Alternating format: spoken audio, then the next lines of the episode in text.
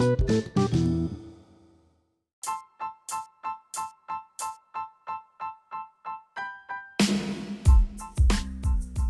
lebih percaya diri dalam 3 menit saja. Hmm, emang bisa? Nah, sebelumnya, ayo ketemu lagi dengan podcast Mencintai Diri. Kali ini kita akan bahas trik mudah yang bisa dilakukan untuk membuat kita jadi lebih percaya diri. Nah, kabar baiknya, trik ini cuma butuh waktu 3 menit aja. Tapi sebaiknya dilakukan setiap hari ya. Sebelum obrolan berlanjut, seperti biasa, jangan bosan, oke? Okay? Ayo kita tarik nafas dalam-dalam, ikuti saya ya. Satu, dua, tiga, dan hembuskan perlahan. Baik, episode kali ini dikutip dari Psychology Today. Nah, lantas bagaimana nih cara untuk menjadi lebih percaya diri yang katanya bisa dilakukan hanya dalam 3 menit saja? Caranya adalah dengan menulis daftar kesuksesan harian. Tiga aja tiap harinya. Ups, ayam tetangga saya sedang berkokok tuh, mungkin terdengar ya, nggak apa-apa ya. Baik, kita lanjut di obrolan. Sebaiknya untuk menulis kesuksesan harian ini, kita dedikasikan buku khusus ya. Atau kalau kita tulisnya di gadget, bisa juga kita dedikasikan file khusus biar bisa dibaca setiap harinya atau kapan pun diperlukan. Hmm, sebentar. Kesuksesan harian. Perasaan bertahun-tahun hidup juga jarang banget suksesnya. Eits, tunggu dulu. Nah, di sini kita akan menulis kesuksesan atau kemenangan kecil setiap harinya. Eh, tapi hidupku benar-benar jauh nih dari kesuksesan, apalagi kemenangan. Gimana dong? Ih, tunggu dulu. Ini dia contoh kesuksesan kecil yang bisa kita tulis tiap harinya. Ini contohnya, nanti bisa selain itu ya pasti bisa ya. Ini yang pertama.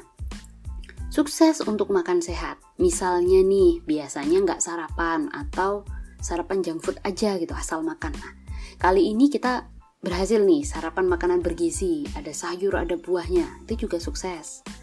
Atau yang kedua nih, Sukses untuk tetap tenang saat mungkin rekan kerja atau teman sekolah berkata buruk tentang kita kayak menyindir. Nah, itu kan kadang sering terjadi ya. Tapi kita tenang. Nah, itu sukses juga. Atau yang ketiga, sukses untuk tidur 8 jam. Nih, yuk kapan nih terakhir kali tidur 8 jam? yang keempat, bisa juga sukses minum air saat siang hari. Biasanya minum soda. Nah, kali ini minum air. Nah, itu juga kesuksesan. Atau yang kelima, berhasil untuk membuat keputusan. Biasanya nggak berani soalnya. Itu juga hebat ya. Atau yang keenam, hari ini membantu teman yang kesulitan. Itu juga baik ya saat kita mau untuk memikirkan orang lain. Atau yang ketujuh, akhirnya ngobrol juga nih bareng teman yang selama ini gak akrab. Eh ternyata asik juga ngobrol sama dia gitu. Atau yang kedelapan, sukses belajar dari kesalahan. Hebat tuh. Atau yang kesembilan, berhasil untuk berpikir sebelum bertindak atau berbicara. Wah itu bijaksana sekali ya.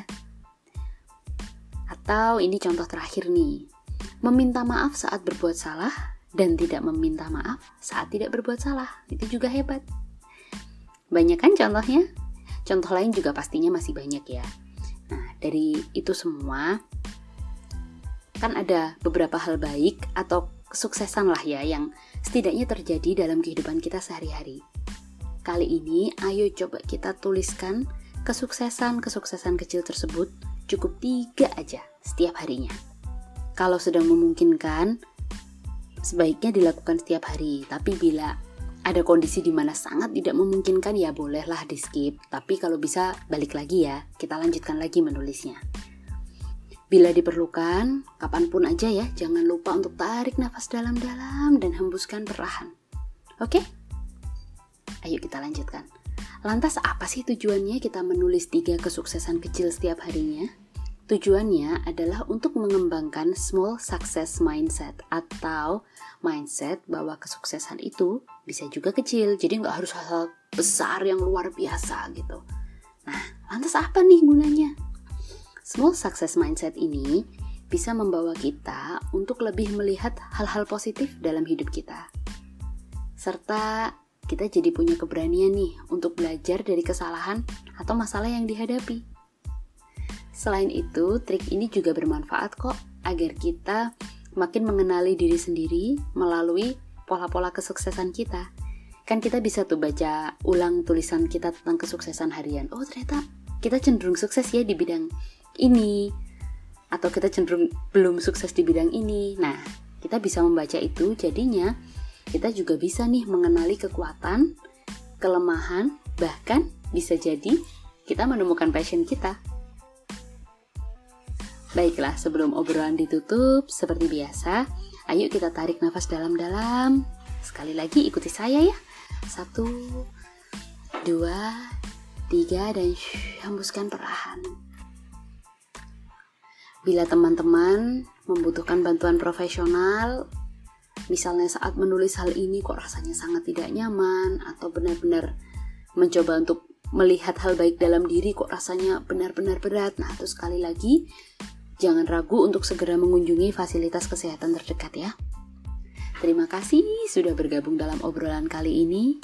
Ikuti terus podcast Mencintai Diri karena di sini kita akan berjalan selangkah demi selangkah untuk memeluk hingga akhirnya kembali untuk mencintai diri sendiri. Have a nice day dan selamat merayakan kesuksesan-kesuksesan kecil setiap harinya. Selamat beraktivitas.